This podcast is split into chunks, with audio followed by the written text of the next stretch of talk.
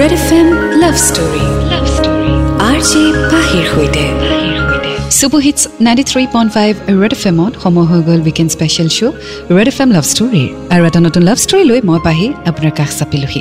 আশা কৰোঁ আপোনাৰ ভাল। আজি যিখন চিঠি হাতত লৈছোঁ এই চিঠিখন পঠিয়াইছে আকিব আলীয়ে। তেওঁ নিজৰ ষ্টৰীটোৰ নামো দিছে ভাল পোৱা জানো এনেকুৱা। চ' আজি আমি শুনিম আকিব আলীৰ লাভ ষ্টৰী কিন্তু তাৰ আগতে কেইটামান কথা আপোনাক ক'ব বিচাৰিম। যদি আপুনি আপোনাৰ লাভ ষ্টৰী মোৰ সৈতে শ্বেয়াৰ কৰিব বিচাৰে তেতিয়াহ'লে আপুনি চিঠি লিখি পষ্ট কৰিব লাগিব। বহুতে এতিয়াও জিমেইলত বা ফেচবুক বা ইনষ্টাগ্ৰামত ভইচ নোট দি পঠিয়ায়। চ' সেনেকুৱা ষ্টৰী আমি একচেপ্ট নকৰোঁ।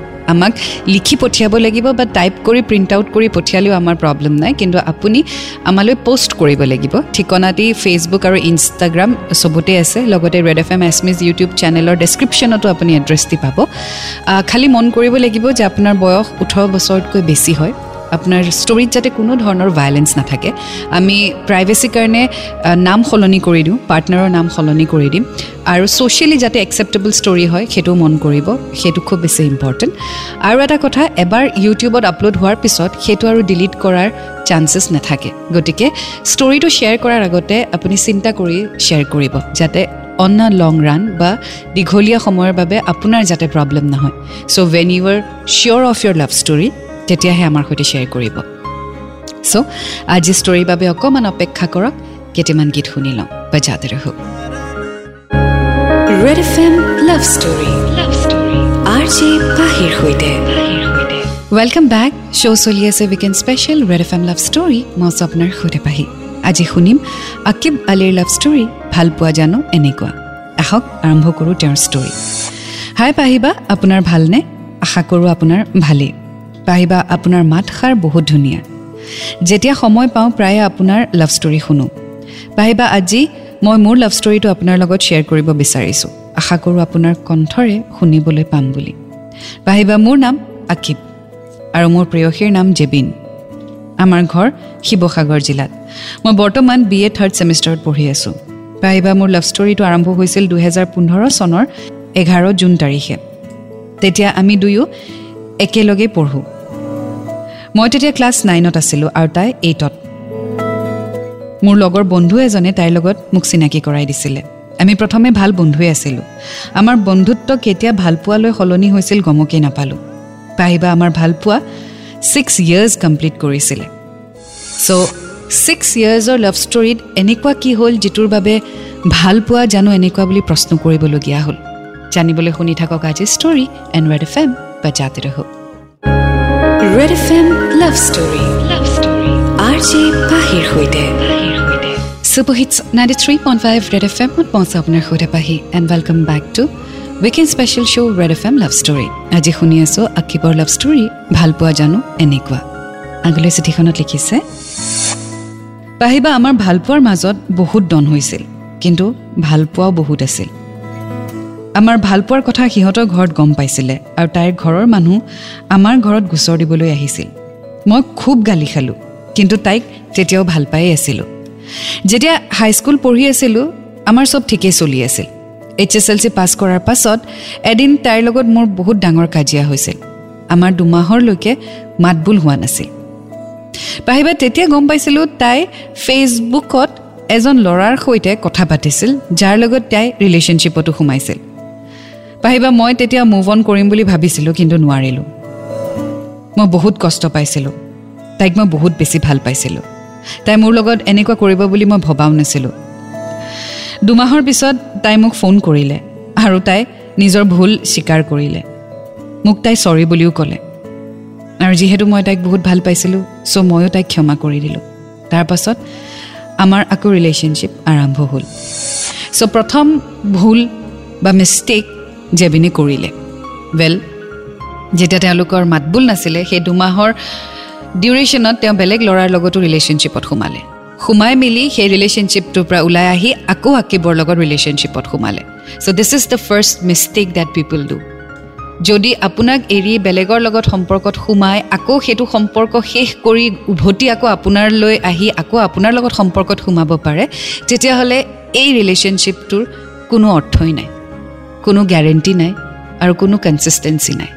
দিছ উইল হেপন আগেন চ' আকিবৰ লগত আকৌ হয়নে নহয় গম পাম যেতিয়া আগুৱাই গৈ থাকিম। শুনি থাকক। Red F M বজাদৰ red F M love story love story R J পাহিৰ সৈতে। ৱেলকাম বেক শ্ব' চলি আছে weekend special red F M love story মই স্বপ্নৰ সৈতে পাহি শুনি আছোঁ আজি আকিব আলিৰ লাভ ষ্টৰী ভাল পোৱা জানো? এনেকুৱা। আগলৈ তেওঁ লিখিছে। পাহিবা পিছলৈ আকৌ আমাৰ ডন হৈছিলে। তাই আকৌ আগৰ নিচিনাই কৰিছিল। মই তেতিয়াও ভাবিছিলোঁ মুভ অন কৰিম বুলি বাট নোৱাৰিলোঁ। তাই আকৌ মোক ক্ষমা খুজিছিল মই আকৌ তাইক মাফ কৰি দিছিলোঁ। এনেকুৱা পাহিবা চাৰিবাৰ হ'ল। লাষ্ট মই তাইক এবাৰ চান্স দিছিলোঁ আৰু সেইদিনাখনৰ পৰা চব ঠিকেই চলি আছিল। তাই মোক ভাল পাইছিল ময়ো তাইক ভাল পাইছিলোঁ। কিন্তু পাহিবা দুহেজাৰ বিছ চনৰ চৈধ্য ফেব্ৰুৱাৰী তাৰিখে আমাৰ এৰা এৰি হ'ল। সেই দিনটো কেতিয়াও মই পাহৰিব নোৱাৰোঁ। পাহিবা মনত বহুত কষ্ট হয়। তাইক যেতিয়া বেলেগ ল'ৰা এটাৰ লগত দেখোঁ। তেতিয়া পাহিবা নিজকে প্ৰশ্ন কৰোঁ মই কি ভুল কৰিছিলোঁ? মোৰ লগত যে এনেকুৱা হ'ল? ৱেল আকিব তোমাৰ ভুল এইটোৱেই যে তুমি তাইক ইমানবাৰ চান্স দি আছা। ৱেল তুমি গমেই পালা তাইৰ স্বভাৱটো কেনেকুৱা যে তাই এটা ৰিলেশ্যনশ্বিপত থাকিব নোৱাৰে। তাৰপিছতো তুমি বাৰে প্ৰতি তাইক চান্স দি আছা। এইটো কেনেকুৱা ধৰণৰ ভাল পোৱা? যে আজি তোমাক ভাল পালে কাইলৈ বেলেগক ভাল পালে পৰহিলে তাক এৰি তোমাক ভাল পালে। চ' তোমালোক বাৰু অবজেক্ট নেকি? মানে বস্তু নেকি? যে আজি মই পিজ্জা ভাল পালোঁ কাইলৈ মই চিকেন ভাল পাম পৰহিলৈ চাওমিন ভাল পাম। ত' চাওমিন আমনি লাগিলে আকৌ পিজ্জালৈ ঘূৰি আহিলোঁ। প্ৰেম জানো আজিকালি এনেকুৱা হৈ পৰিছে। শুনি থাকক আজি ষ্টৰী বাজাতে ৰহো red F M love story welcome back show' চলি আছে weekend special red F M love story মই স্বপ্নৰ সৈতে পাহি আজি শুনি আছোঁ আশী বালিৰ ভাল পোৱা জানো এনেকুৱা আগলৈ তেওঁ লিখিছে পাহিবা আমাৰ ফাইনেল ব্ৰেকআপ হৈছিলে চৈধ্য ফেব্ৰুৱাৰীত তেৰ তাৰিখে তাইৰ কাৰণে মই এটা গিফ্টটো কিনিছিলোঁ চৈধ্য তাৰিখে দিম বুলি। মই ভবাই নাছিলোঁ যে চৈধ্য ফেব্ৰুৱাৰীত আমাৰ এনেকুৱা এটা কিবা হ'ব বুলি। মই তাইৰ বাবে গিফ্টটো মোৰ বেষ্ট ফ্ৰেণ্ডৰ ঘৰত দিবলৈ গ'লোঁ। সেইদিনাখনেই মোৰ বেষ্ট ফ্ৰেণ্ডে এনেকুৱা এটা কথা ক'লে যিটো শুনি মোৰ বহুত বেছি দুখ লাগিছিল। তাই মোক এইটো ক'লে যে জেবিনে হেনো মোৰ লগতে আন এজনকো ভাল পায়। তাই মোৰ লগত টাইম পাছহে কৰি আছে। এইষাৰ কথা শুনি পাহিবা মোৰ এনেকুৱা লাগিছিল মই যেন কিবা এটা কৰি লওঁ মই নিজকে কণ্ট্ৰল কৰিব পৰা নাছিলোঁ। চ' আকিব আকৌ একেটা কথাই হ'ল। I mean she is not true and honest to any relationship অকল তুমি বুলি নহয়। যাৰ লগত ৰেণ্ডমলি তাই ৰিলেশ্যনশ্বিপত সোমাইছে চব ল'ৰাৰ লগতে তাই তেনেকুৱা কৰি আছে। And always remember karma is a very bad thing আৰু তাই তাইৰ কৰ্মা পাব। So' you don't worry about it but yes কিছু কথা আৰু চিঠিখনত তুমি লিখিছা চ' সেয়া পঢ়ি গৈ থাকিম। You guys stay tune to today story ভাল পোৱা জানো এনেকুৱা। বাজাতে ৰহো। Red F M love story love story R J পাহিৰ সৈতে। Superhit ninety three point five red F এমত মই আছোঁ আপোনাৰ সৈতে পাহি শুনি আছে আপুনি weekend special show' red F M love story আজি শুনি আছোঁ আকিবৰ ষ্টৰী ভাল পোৱা জানো এনেকুৱা আগলৈ তেওঁ লিখিছে সেইদিনা পাহিবা তাইক মই ফোন মেছেজ একো নকৰিলোঁ পিছদিনাখন তাইক মই সুধিলোঁ আৰু তাই তেতিয়া ক'লে হয় তাই হেনো বেলেগ এজন ল'ৰাকো ভাল পায় মই তাইক সুধিলোঁ তাই মোৰ লগত এনেকুৱা কিয় কৰিলে মই তাইৰ জীৱনৰ পৰা আঁতৰি গ'লোঁ হয় যদি তাই মোক ক'লে হয় ছটা বছৰ তাই এনেকৈ কিয় মোৰ লগত থাকিলে কাৰোবাক ছয় বছৰ ভাল পাই পাহৰি যাব পাৰি জানো পাহিবা?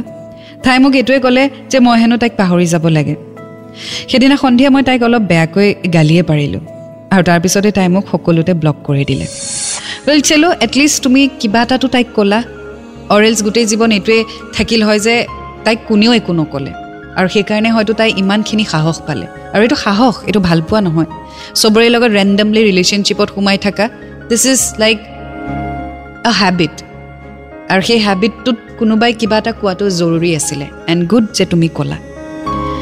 চ' আগুৱাই গৈ থাকিম আজি ষ্টৰীৰ সৈতে এণ্ড ৰেড এফ এম বজাতে ৰহো red F M love story love story R J পাহিৰ সৈতে।